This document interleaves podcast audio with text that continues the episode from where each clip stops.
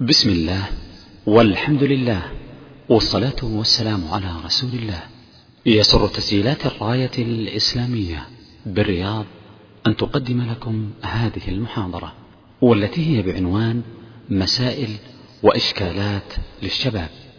لفضيلة الشيخ الدكتور عبد الكريم ابن عبد الله الخضير. بسم الله الرحمن الرحيم.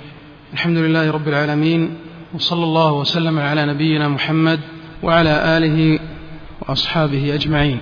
أيها الإخوة في هذه الليلة المباركة التي نستضيف فيها فضيلة شيخنا الشيخ عبد الكريم بن عبد الله الخضير والذي نسأل الله عز وجل أن يجزيه عنا خير الجزاء لحضوره في هذه المدينة وأسأل الله عز وجل أن يجعلها خالصة لوجهه وأن يجعلها في ميزان حسناته يوم لا ينفع مال ولا بنون.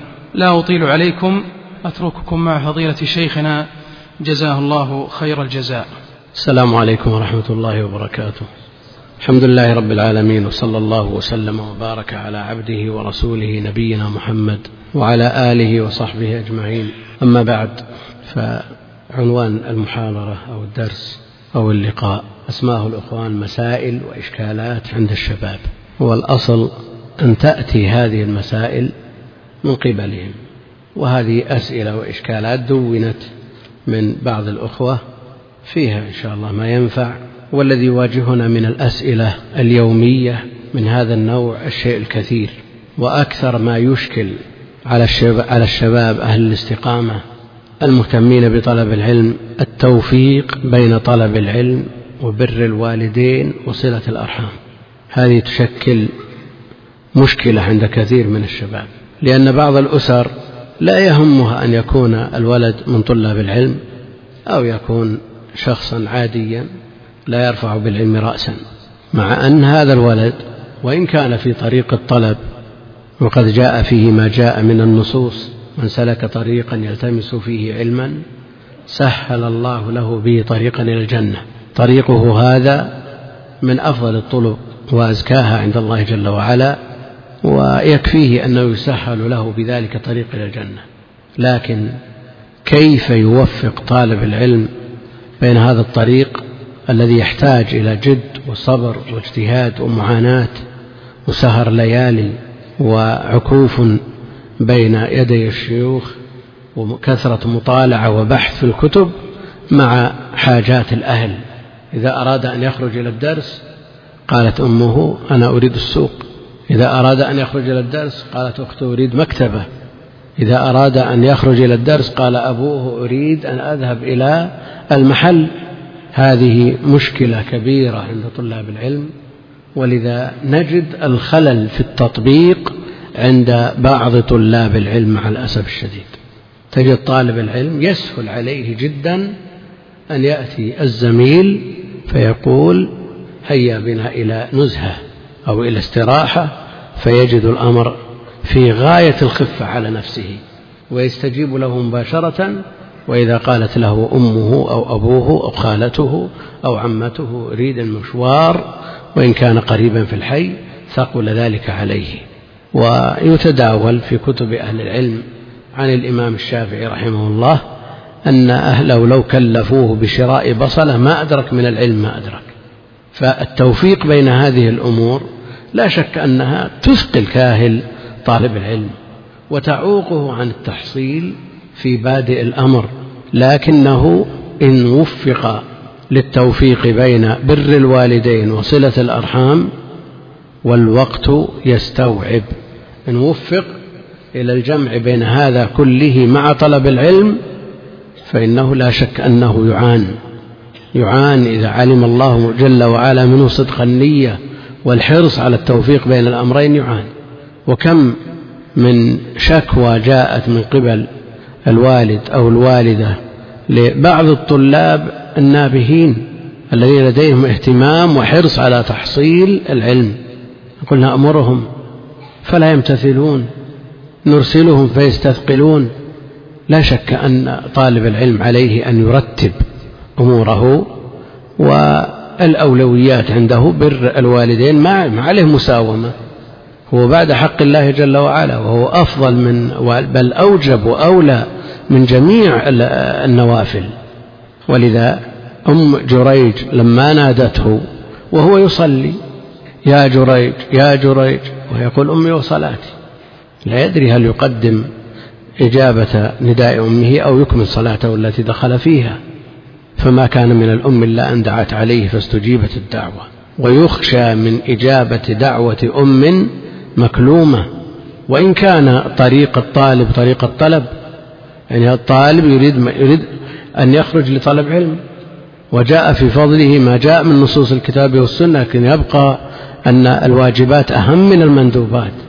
فعليه أن يلبي حاجة الوالد وحاجة الأم وعليهما أيضا لأن كل مكلف له ما يخصه من خطابات الشرع فالولد عليه أن يستجيب لمطالب الوالدين وعليه أن يبر بوالديه وعليه أيضا أن يتابع ما ما هو بصدده من طلب العلم وبالمقابل أيضا على الوالد أن ينظر في أمر ولده وأن يسهل له الطريق وهو في ذلك شريك له في الأجر.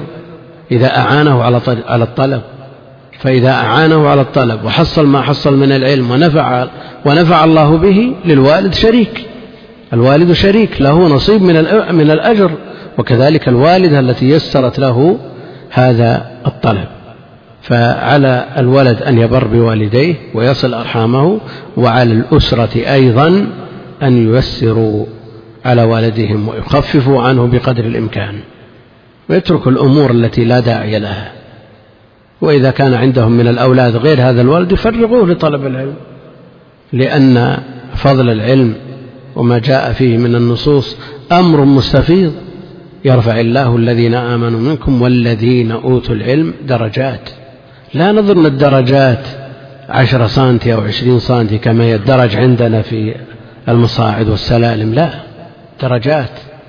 يعني في درج الجنة يعني بين كل درجة والأخرى مسافات بعيدة جدا. فإذا رفع في درجات الجنة كان للوالد نصيب من ذلك. الذي أعان فعلى الوالدين أن ييسروا طريق الطلب لولده وعلى الوالد أو على الولد أيضا أن يبر بوالديه ويصل أرحامه. هذه كثير ما يسأل عنها ويتصل كثير من من النساء يسألن مقرونا سؤالهم بالبكاء. نريد أن نذهب إلى إخواننا وأخواتنا ونصل أرحامنا لكن الولد ما يستجيب. والولد بصدد طلب علم. نقول هذا خلل في التصور. يعني إن قدم الطلب على بر الوالدين هذا ما شك أنه لديه خلل في النظرة إلى الأمور الشرعية والموازنة والمفاضلة بينها. الأمر الثاني مما يشكل على كثير من طلاب العلم مسألة الزواج وهل يعوق الزواج عن التحصيل أو لا يعوق؟ ثم التبعات المترتبة على الزواج وهل هي عائق في طريق الطلب أو لا؟ بالإمكان أن يوفق طالب العلم بين طلب العلم والزواج. والزواج سنة النبي عليه الصلاة والسلام. وقال لمن قال لا أتزوج النساء من ترك سنتي فليس مني. فالزواج أمر مطلوب ولا يعتذر ولا يتذرع بطلب علم ولا غيره. فتحصين النفس أمر مهم لا سيما في مثل هذه الأوقات التي كثرت فيها الفتن. وبالتجربة وجد أن الزواج خير معين على طلب العلم.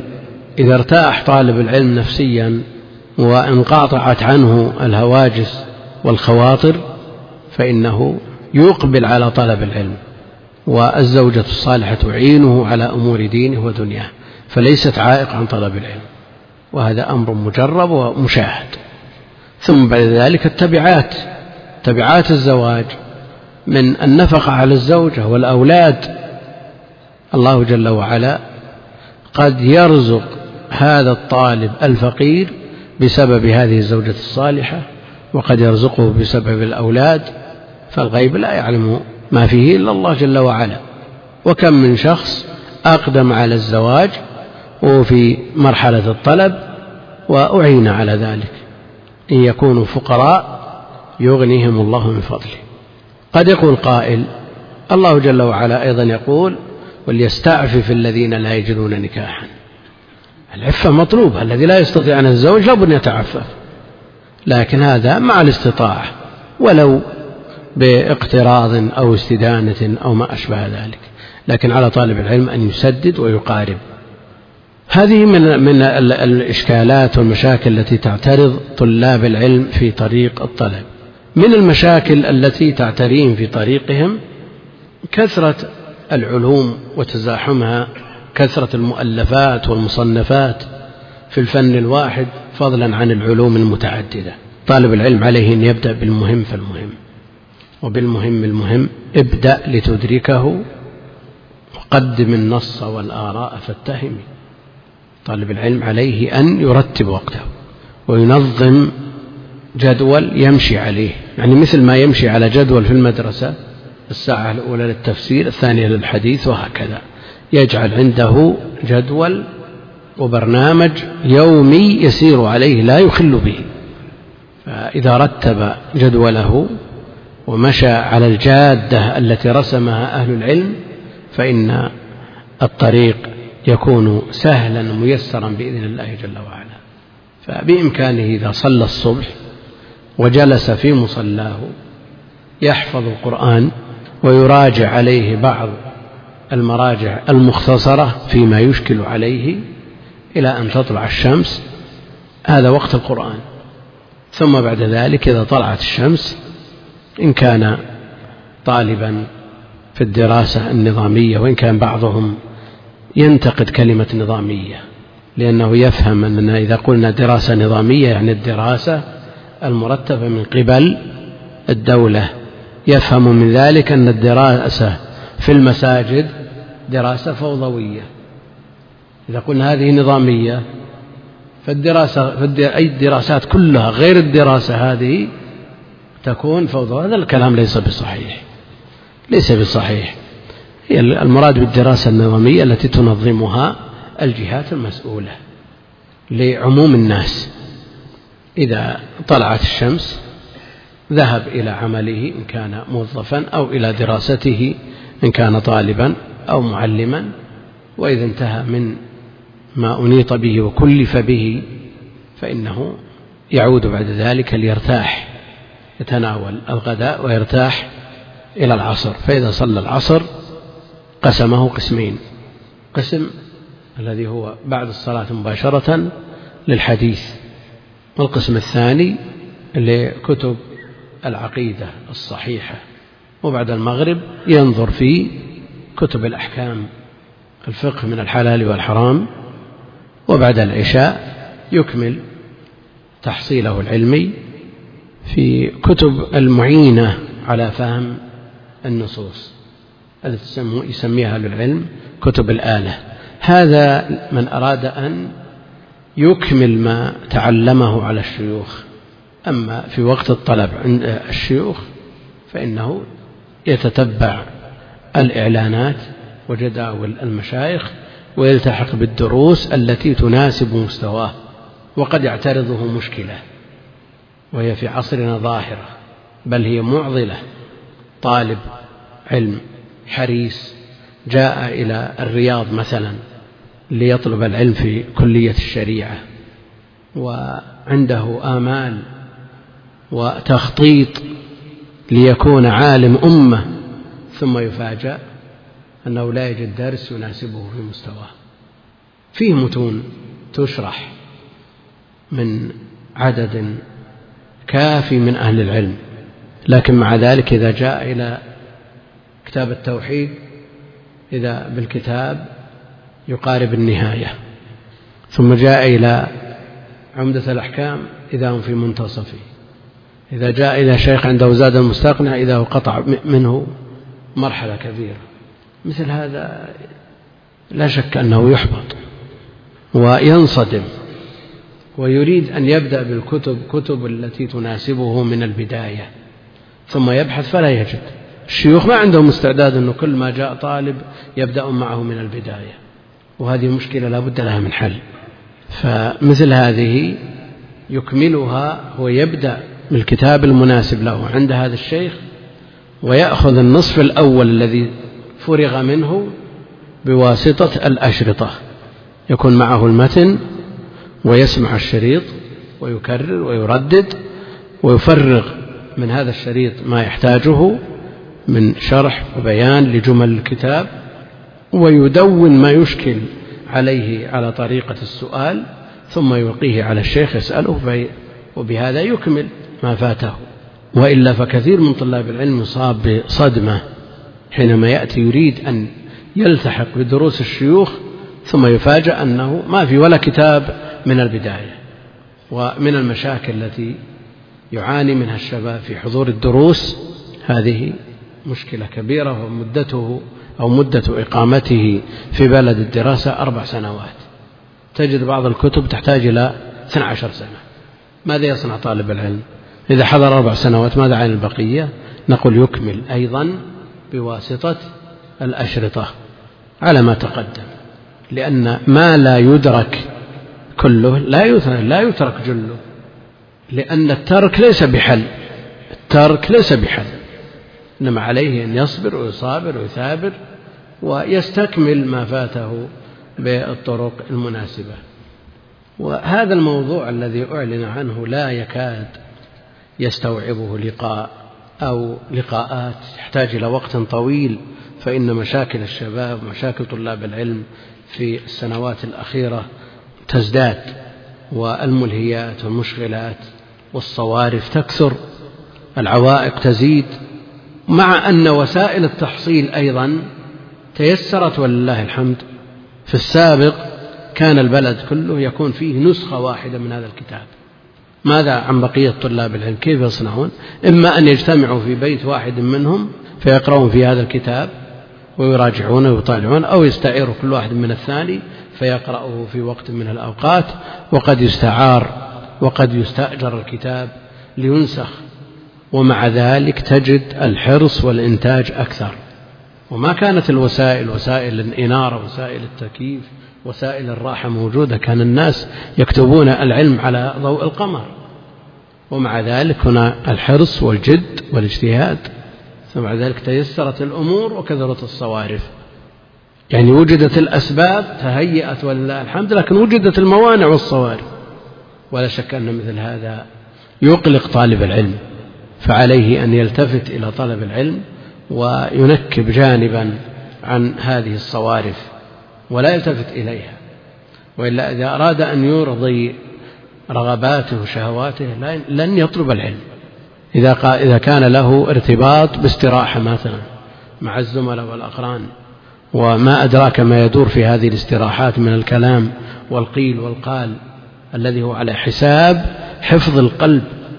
فالقلب إذا لم يحفظ من الفضول فضول الكلام فضول السماع فضول النظر فضول الأكل فضول النوم يشوش وحينئذ يتأثر في تحصيل العلم. فعلى الإنسان أن يجمع نفسه ويلتفت إلى ما هو بصدده من طلب العلم. ولا يلتفت إلى ما سواه لا يقال أنه ينعزل وينقطع عن أهله وينقطع عن مجتمعه لا ينتفع ولا ينفع لا. عليه أن يسدد ويقارب والوقت يستوعب. يعني نعرف من طلاب العلم من عنده ورد يومي من القرآن يقرأ القرآن في سبع وعنده دوام إما طالب أو موظف عنده دوام يأخذ بالنسبة له سنام الوقت.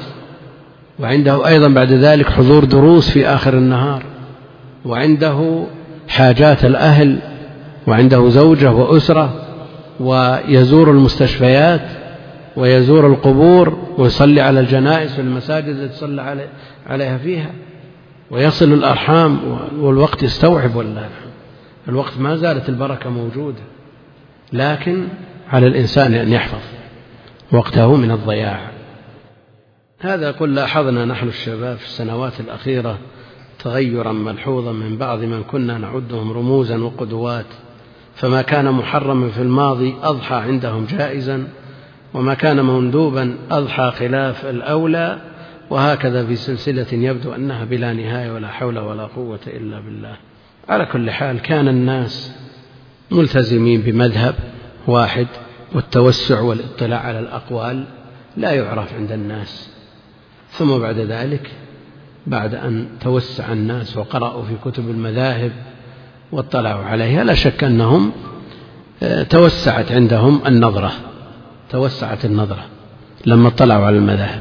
ولا شك أن في, في هذه المذاهب ما هو أرجح مما كانوا يعملون به. لكن الإشكال أن من أهل العلم ممن أشار إليه من طلاب العلم لا أقول من من الكبار لا من طلاب العلم بعد اطلاعهم على الأقوال بأدلتها توسعوا فصاروا يبحثون عن الأقوال التي هي خلاف ما كان عليه العمل ونشروها وأظهروها وأبرزوها تبعا لما وصفت به هذه الملة وهذا الدين من اليسر ونظروا إلى جانب واحد وهو أن الدين يسر وهذا لا إشكال فيه. يريد الله بكم اليسر ولا يريد بكم إن الدين يسر ولن يشاد الدين أحد إلا غلبه. لكن هل معنى هذا أننا نضيع التكاليف؟ أليس دين حلال وحرام؟ ما هو بدين تكاليف؟ والتكاليف إلزام ما فيه كلفة ومشقة وإن كان يسرا لكنه يسر نسبي. يسر نسبي بالنسبة إلى الشرائع السابقة. هذا الدين يسر؟ ولم يأتي الدين بشيء يخرج عن طوق العباد أو يخرج عما يقدرون عليه بالعادة المضطردة. يعني يقول الدين يسر صحيح الدين يسر. لكن هل معنى هذا أن الإنسان لا يحج لأنه لم يبلغ إلا بشق الأنفس؟ هل نستطيع أن نلغي الحج بحديث الدين يسر؟ ما جعل عليكم في الدين من حرج؟ لا. الدين دين تكاليف. هل نقول أن أن الغسل في ليالي الشتاء يسقط عن من لزمه الغسل لأن الدين يسر له. هل نقول أن الخروج إلى المساجد في الظلم وفي الليالي الباردة والشاتية يسقط عن الناس لأن الدين يسر له؟ الدين تكاليف. هل نقول أن صيام الهواجر إذا جاء رمضان في أوقات الحر الشديد نقول لا يصوم الناس لأن الدين يسر؟ لا. لكن من أشرف على الهلاك وخشي على نفسه يفطر. الشيء الذي لا يطاق ولا يقدر عليه لا شك أنه مرفوع عنا الحرج فيه. لكن في إطار التكليف المقدور عليه الدين دين تكاليف. والجنة حفت بالمكاره. فهؤلاء الذين يشير إليهم هم نظروا إلى أن الشريعة جاءت بالتيسير والتسهيل والدين يسر وما جعلكم في الدين من حرج وغفلوا عن أن هذا الدين دين تكاليف. والله المستعان. يقول ما موقف طالب العلم من اختلاف العلماء الذين يجد فيهم بعض التساهل؟ الأخذ بالمرجوع وبما وفق أهواءهم ومن ذلك ذكر مسائل. المقصود أن طالب العلم الذي هو في حكم العامي لم يتأهل للنظر في الأدلة ولا يستطيع الترجيح بين هذه الأدلة ليخلص إلى القول الراجح هذا فرضه فرض العامي.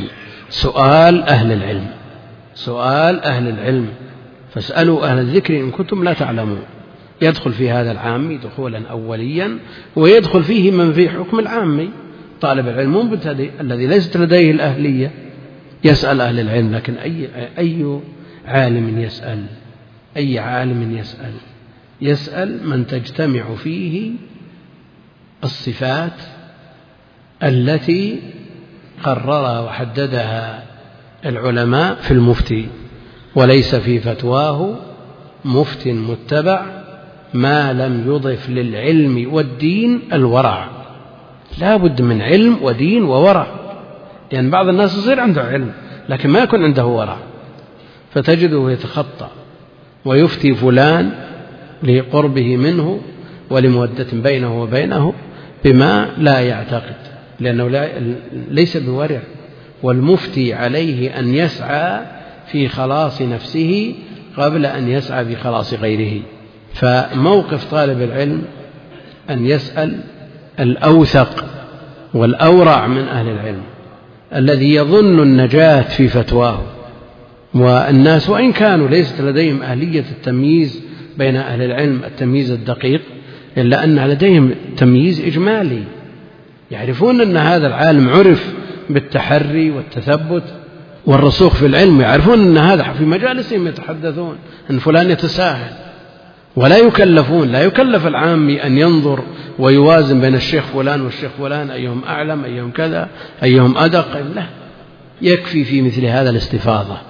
يعني إذا تداول الناس في مجالسهم وسأل من يثق بعلمه هل فلان ممن يقتدى به ويؤخذ بقوله أو لا يؤخذ بقوله.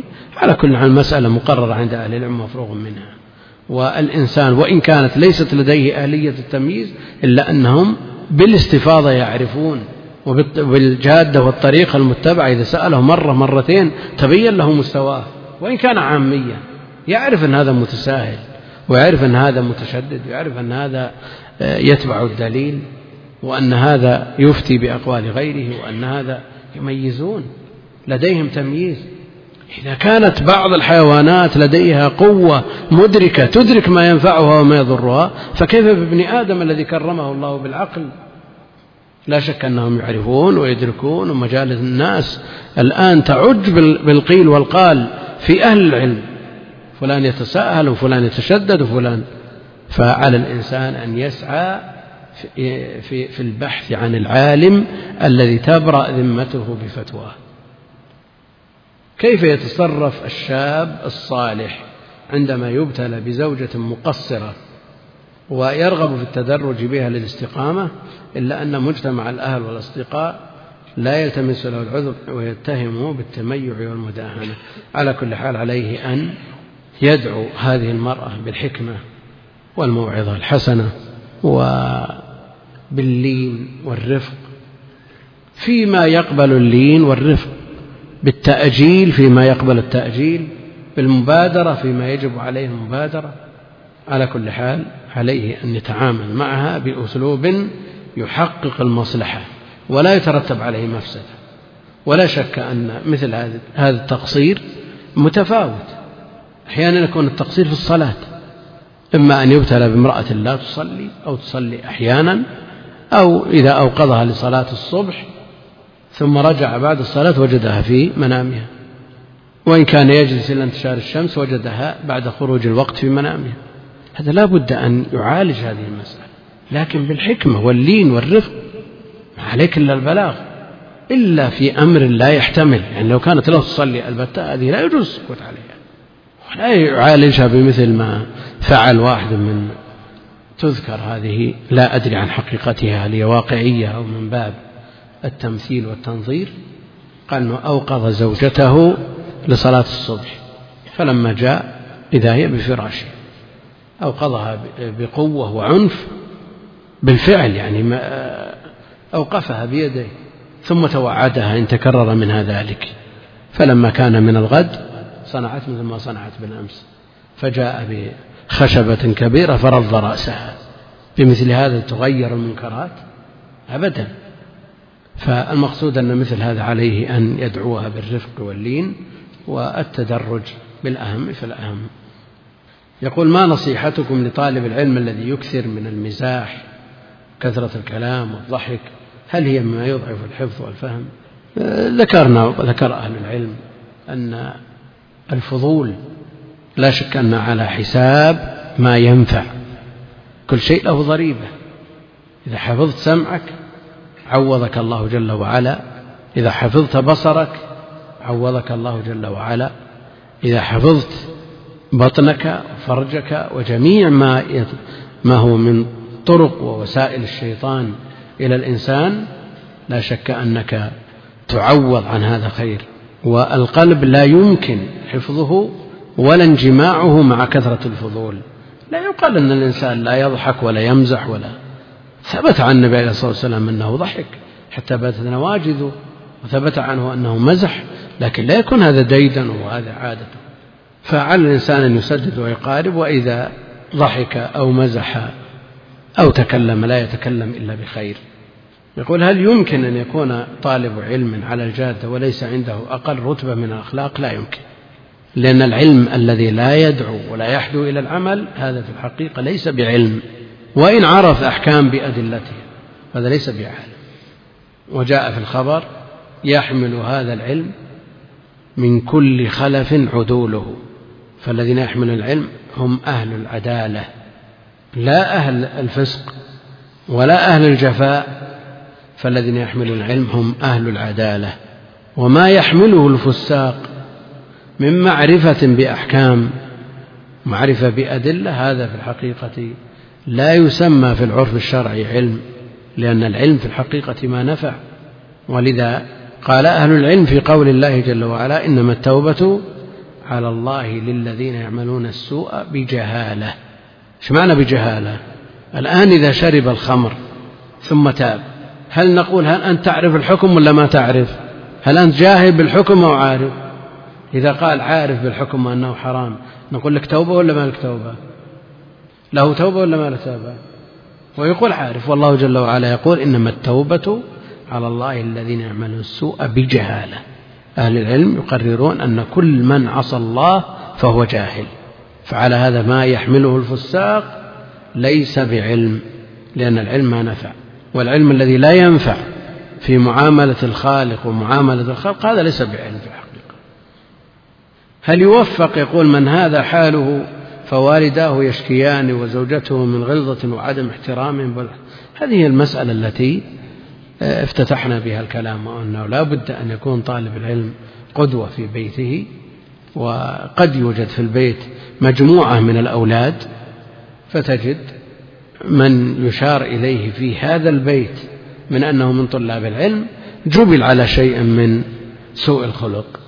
وتجد بالمقابل من لا يهتم بالعلم وليس من طلاب العلم عنده شيء من التودد والتحبب. على كل حال ما جبل عليه الإنسان عليه أن يحاول جاهدا أن يتخلق بالخلق الحسن والخلق بالتخلق والحلم بالتحلم والعلم بالتعلم. المسألة تحتاج إلى جهاد نفس. يقول أنا مقسم وقتي وجعلت بعد العشاء سماع درس صوتي للبخاري ثم أوتر بثلاث ركعات خفيفة. هل الأفضل ترك درس البخاري للقيام المطول أم ما؟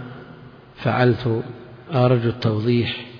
يعني هل الوقت من بعد صلاة العشاء إلى قدوم النوم لا يستوعب أكثر من هذا؟ اسمع البخاري واسمع القرآن واسمع ما كتبه أهل العلم. على القرآن وعلى البخاري واستفد. ونظم وقتك وقسمه. وأكثر من النوافل. لا سيما نوافل الصلاة والصيام. فالوقت يستوعب. وعند المشاحة عليك أن توازن وتفاضل بين هذه العبادات. تقول أنا فتاة في العشرين من عمري هل يجوز لي الاكتفاء بالوضوء عن الغسل؟ تقصد الغسل الواجب. وذلك لصلاة الفجر, لصلاة الفجر مع العلم بأني مريضة بالروماتيزم وهذه الفترة يكون المرض في حالة نشاط. على كل حال الغسل واجب ولا يكفي عنه الوضوء وإذا كان يتسبب الغسل في مرض أو في تأخر برء من مرض فالتيمم يقوم مقامه. لكن علينا أن لا نتساهل في هذا الباب. إذا كانت هناك وسائل يتقى بها المرض مع فعل ما أوجب الله جل وعلا. تعين.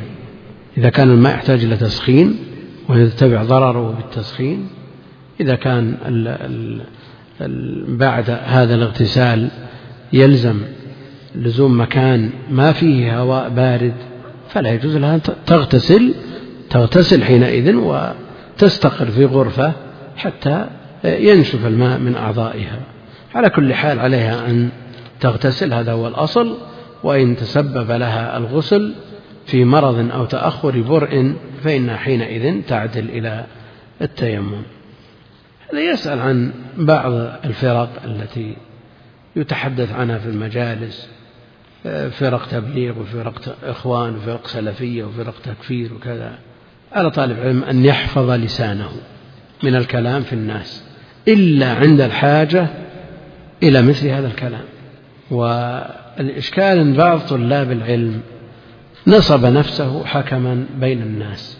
عنده خير وعنده فضل عنده آه، نوافل عنده أعمال كما جاء في الحديث أمثال الجبال صلاة وصيام وحج وصلة وطلب علم ثم بعد ذلك إذا جلس في المجالس وزع فلان قال وفلان قال وفلانة قالت والعالم الفلاني أفتى والفرقة الفلانية كذا ثم بعد ذلك يوزع هذه الحسنات على من هم من وجهة نظره أعداء. ولو كان يحبهم ما تكلم فيهم ثم حينئذ يقع في الحديث الصحيح وهو لا يشعر. أتدرون من المفلس؟ قلنا المفلس من لا درهم له ولا متاع.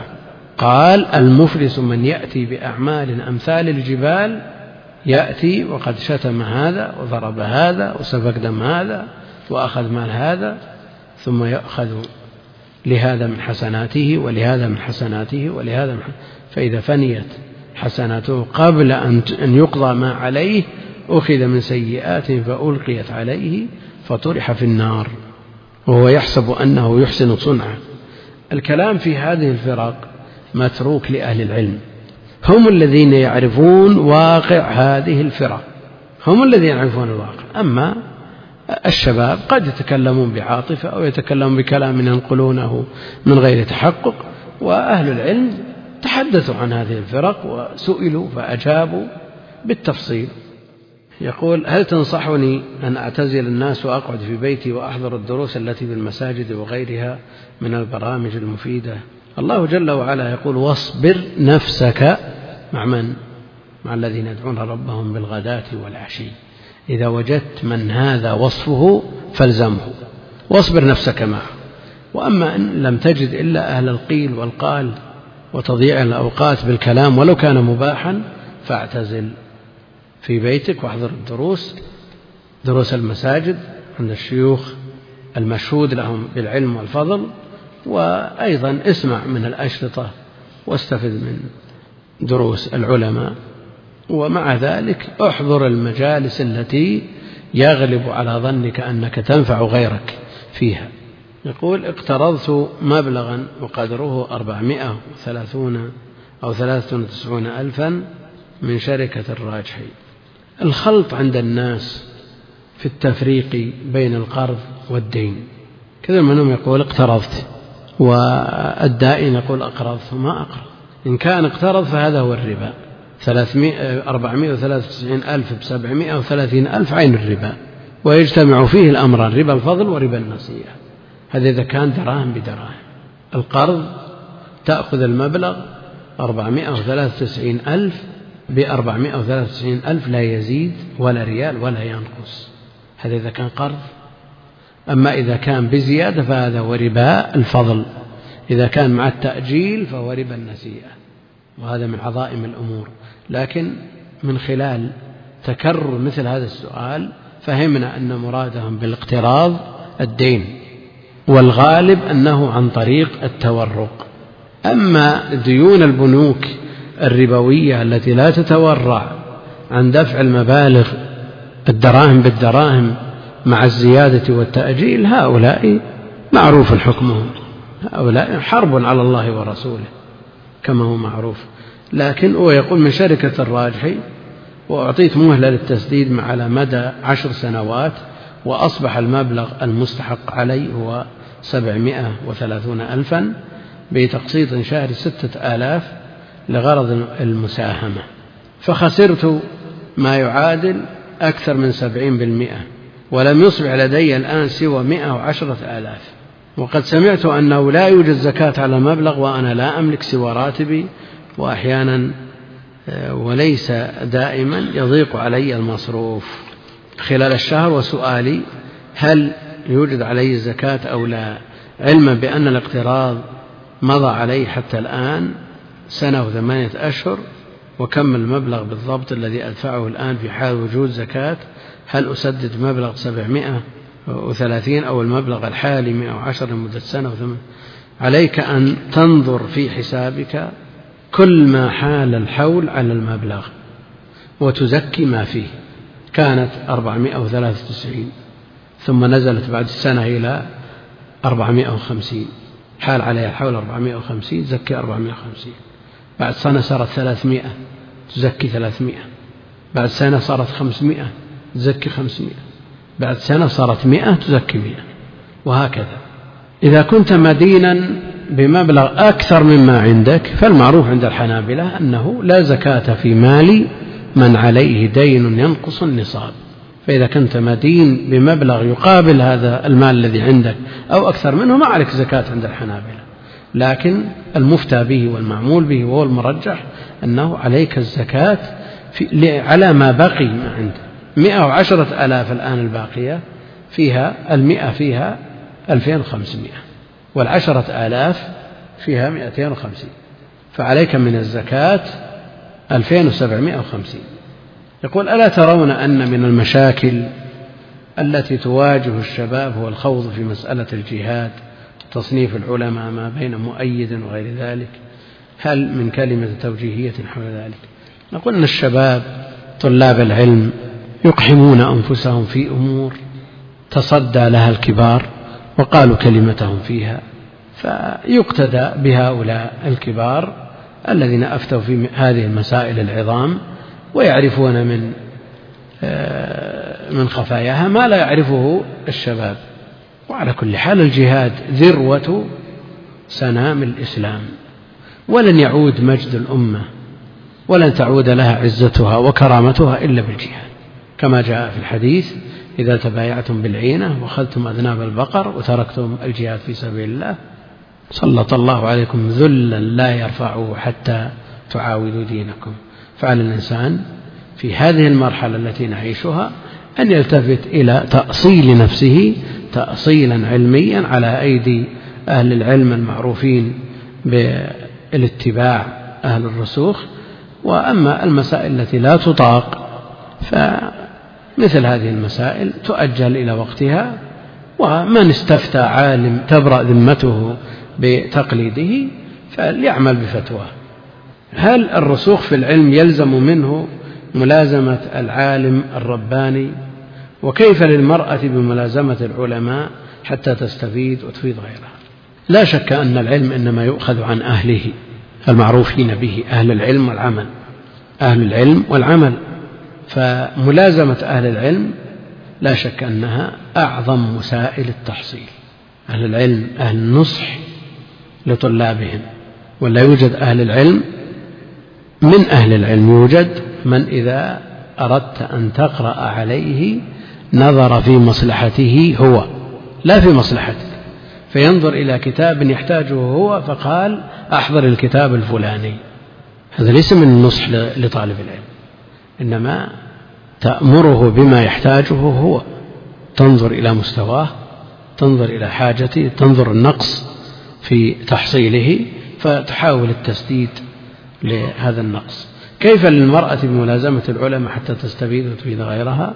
المرأة أولا هي مأمورة بالقرار في البيت وقرن في بيوتكن ومأمورة أيضا بطلب العلم والنساء شقائق الرجال. فإذا وجد وسيلة تحقق الأمرين دون تعارض فلتلزمها والحمد لله يوجد الآن من خلال الآلات وسائل تحقق طلب العلم بما يقرب من الحضور عند الشيوخ. وإذا كان التحصيل بواسطة الإنترنت فإن سؤال الغائب يعرض قبل سؤال الحاضر في الغالب. يعني يأتينا يوميا أسئلة من شرق الأرض وغربها. يأتينا من كندا ويأتينا من استراليا في آن واحد. وما بين ذلك؟ ويجاب عليها ويحرص عليها أكثر من أسئلة الحضور. وهذه أسئلة من سائر أصقاع الدنيا من ليبيا من فلسطين من الجزائر من الإمارات من المغرب من هولندا. ويأتينا أحيانا من جزر نبحث عنها في معاجم البلدان القديمة والجديدة ولا, ولا توجد. مما يدل على أن هذا العلم وصل إلى كل صقع من أصقاع الأرض. فإذا سمعت الدرس بواسطة هذه الآلة علما بأن هذه الآلة ذات حدين فيها الشر المستطير وفيها الخير الذي أفاد منه كثير من طلاب وطالبات العلم. فإذا حضرت الدرس بواسطة الإنترنت وأيضا استعملت الأشرطة في شروح المشايخ على المتون وفرغت هذه الأشرطة وسألت عما يشكل عليها بواسطة الهاتف أو بغيره استفادت فائدة كبرى.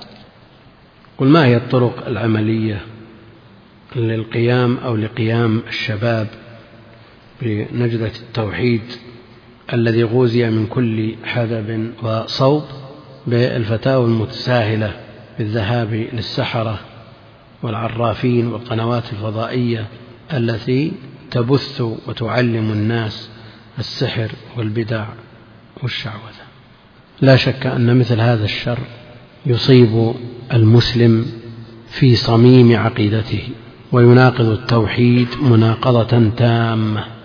والآن السحر دخل قعر بيوت المسلمين بيوت العامة الذين لا يفرقون. بين الحق والباطل غزاهم هذا النوع نسأل الله السلامة والعافية. والاطلاع على هذه القنوات مع العلم مسبقا أنه يفتح على هذه القناة هو مثل إتيان الساحر. لمن أتى ساحرا أو عرافا لم تقبل له صلاة أربعين يوما. يعني مجرد فتح القناة مع علمه بأنها قناة سحر هذا الحكم. مثل كما لو ذهب إلى ساحر. لأن الذي في هذه القناة ساحر. فإن صدقه فقد كفر بما أنزل على محمد. الأمر خطير جد خطير. يعني يناقض رأس المال مناقضة تامة.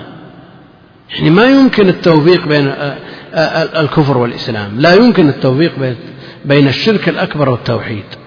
ولا شك أن مثل هذه الفتاوى التي سهل فيها موضوع الذهاب إلى السحرة والعرافين والكهنة لا شك أنها تجر إلى مثل هذا.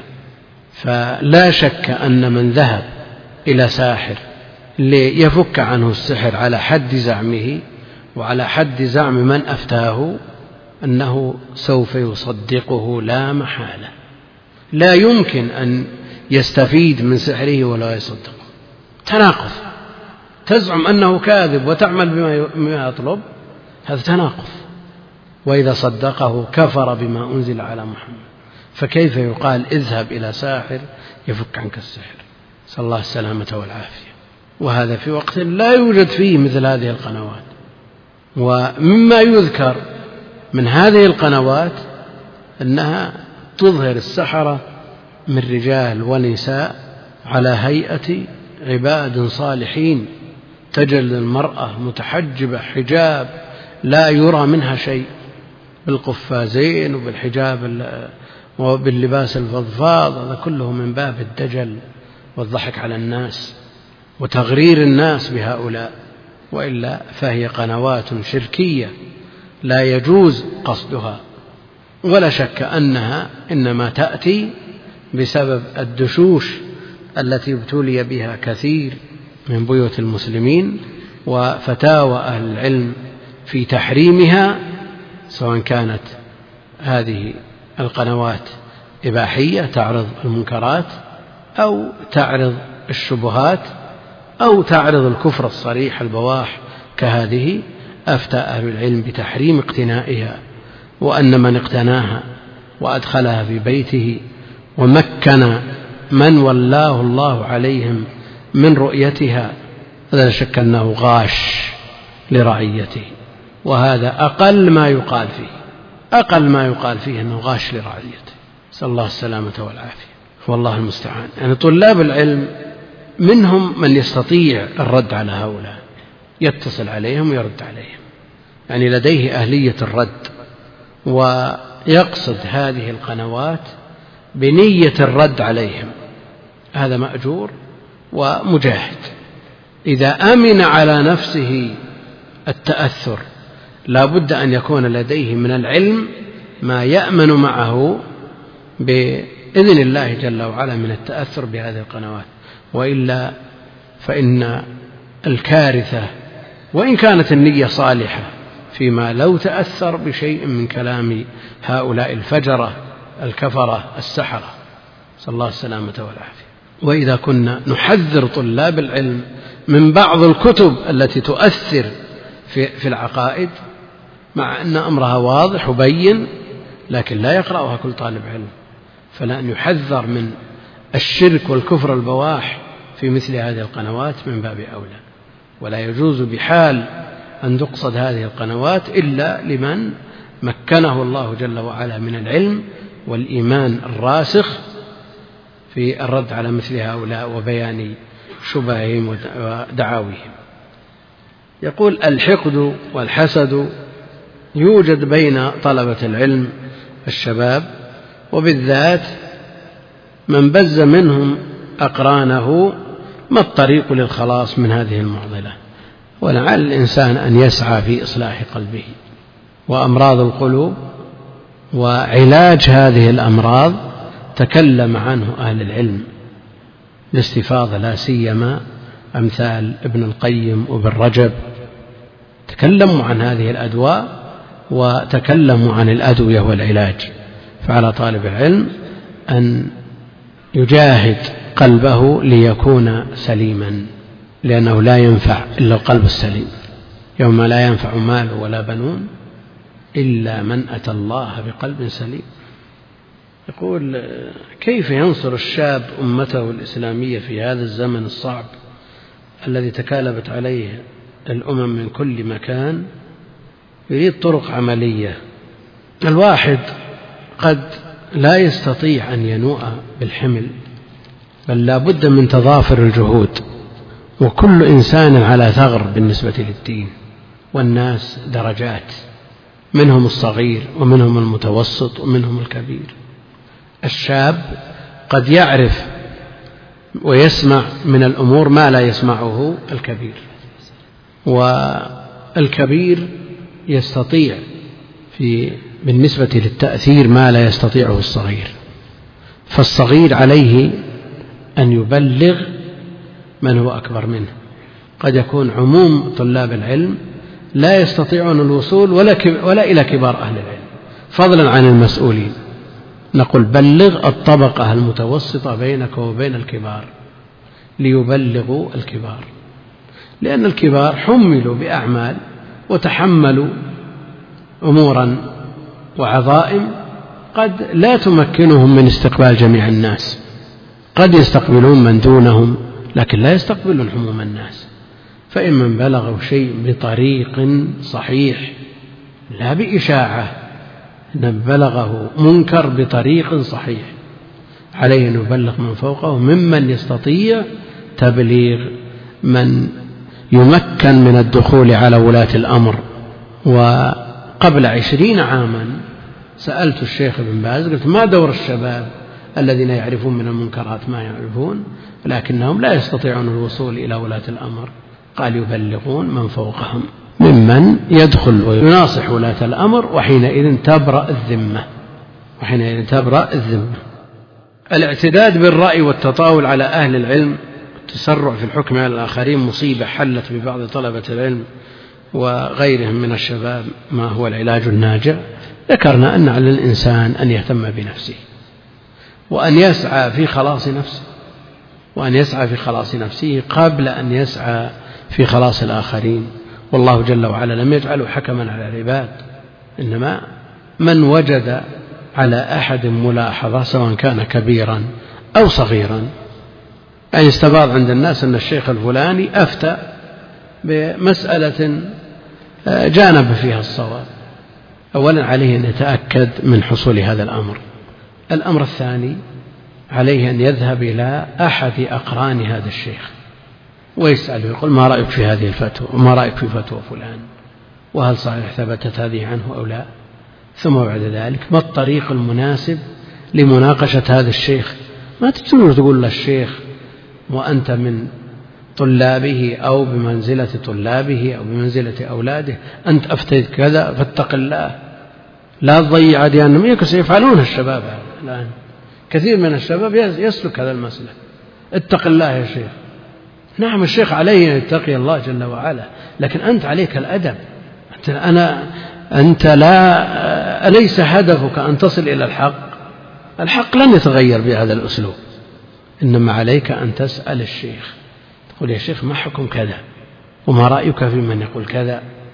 ثم بعد ذلك إذا تبين وعندك دليل يخالف ما أفتى به فألقي عليه الدليل تقول ما رأيك في قول الله تعالى؟ كذا أو فيما يؤثر عن النبي عليه الصلاة والسلام كذا؟ يعني على طريق السؤال. وحينئذ تستطيع أن تصل إلى قلبه. بالمقابل هذا خطاب الشباب وبالمقابل هناك خطاب للشيوخ على الشيخ أن يرفق بطالب العلم أيضا. ولا يغلظ له القول. يعني إذا كان على طالب العلم أن يحترم الشيوخ فعلى الشيوخ أيضا أن يرفقوا بهم ويتلطفوا بهم. وأن يحاولوا جمع الكلمة لا التفريق. فإذا جاء طالب العلم أو طلاب العلم أهل الغيرة على الحق وعلى الدين إلى شيخ من الشيوخ ولو أغلظوا عليه على هذا الشيخ هم عليهم أن يتأدبوا. لكن افترض أنهم ما تأدبوا على الشيخ أيضا ما يخصه من الخطاب عليه أن يحتويهم ويرحب بهم ويستطيع الدخول إلى قلوبهم. والتأثير عليهم يثني عليهم ويدعو لهم ثم بعد ذلك يوجههم بما شاء. فالمسألة مسألة تحتاج إلى شيء من حسن التعامل بين الطرفين. هذا يقول انتشر بين عامة الناس واشتغلوا بتكفير الطائفة الفلانية والطائفة الفلانية ولم يطلب منهم الحكم فليسوا علماء ولا مفتين وإنما يقول هذا الكلام من باب الحديث من بعضهم البعض فهل يأثمون؟ نعم يأثمون. لأن الحكم الشرعي يعني الحكم على الناس حكم شرعي. حكم شرعي لأنك إذا كفرته فمعناه أن الدين حكم عليه بكذا وأن حكمه عند الله كذا. وهذا إن صدر من غير عالم يعرف الحق بدليله هذا كذب على الله جل وعلا. ويدخل دخولا أوليا في قول الله جل وعلا ويوم القيامة ترى الذين كذبوا على الله وجوههم مسودة. أنت إذا قلت فلان كافر معناه أنه في شرع الله كافر وأن حكمه عند الله كافر. هل تعرف حكم الله في هذا وأنت جاهل لا تفهم شيئا؟ هذا لا يجوز بحال. يقول شخص هداه الله إلى الحق ولكن ما زال الرياء متمكن منه فما العلاج؟ العلاج أن يعلم يقينا أن من يرائيه لا يستطيع نفعه بشيء ولا يستطيع أن يدفع عنه ضرا كتبه الله عليه. وابن القيم رحمه الله يقول إذا حدثتك نفسك بالإخلاص فأقبل على حب المدح والثناء فاذبحه بسكين يقينك وعلمك أنه لا أحد ينفع مدحه ولا يضر ذمه إلا الله جل وعلا. لما جاء الأعرابي إلى النبي عليه الصلاة والسلام فقال أعطني يا محمد إن مدحي زين وذمي شيء قال ذاك الله. مع الأسف أنه أن الشخص إذا سمع كلمة مدح من إنسان طار بها فرحا وهي لا تقدم ولا تؤخر. وإذا سمع من يذمه ويهدي إليه الحسنات ضاق بها ذرعا وهي لا تضره. فكيف إذا قيل لبعض الناس الملك فلان أو الوزير فلان أو الأمير فلان البارح أثنى عليك؟ يمكن ما ينام الليل من الفرح. يعني الموازين عندنا فيها خلل وفي الحديث الصحيح من ذكر الله في نفسه ذكره الله في نفسه ومن ذكر الله في ملأ ذكره الله في ملأ خير منه. أي مدح الرب جل وعلا وذكر الرب جل وعلا لهذا الإنسان المسكين أو ذكر فلان ولا علام من الناس. والله المستعان. فالرياء لا بد أن يجتث بالعلم اليقيني أن من ترائيه لا يستطيع نفعك ولا يستطيع ضرك. هذا من الكويت يقول هل ينبغي على طالب العلم أو هل الأفضل له أن يغلب جانب العلم أم جانب العبادة أم جانب الخير؟ وأقصد بجانب العلم القراءة والحفظ والمراجعة وحضور الدروس وجانب العبادة كالصوم والصيام والقيام والذكر والإكثار من قراءة القرآن أم جانب الخير وزيارة المعوقين والمرضى والتطوع عند اللجان الخيرية وغير ذلك فإني كنت في بداية التزامي أغلب جانب الخير وأزور اليتامى والمعوقين ثم بدأت أترك ذلك وأهتم بالصلاة أقصد النوافل وقراءة القرآن وجانب العبادات ثم تركت ذلك أو خففت منه كثيرا والآن أقضي وقتي كله في القراءة والحفظ والمراجعة فما نصيحتكم؟ وما الصحيح أو الأفضل؟ وهل ذلك يختلف باختلاف مستويات الطلاب؟ فالمبتدئ يغلب جانب العلم في بداية أمره ومن ثم إذا تعلم وصار من المنتهين. مثلا بدأ يغلب جانب الخير والعبادة. ولن أهل العلم يطبقون على أن العلم طلب العلم أفضل من نوافل العبادة.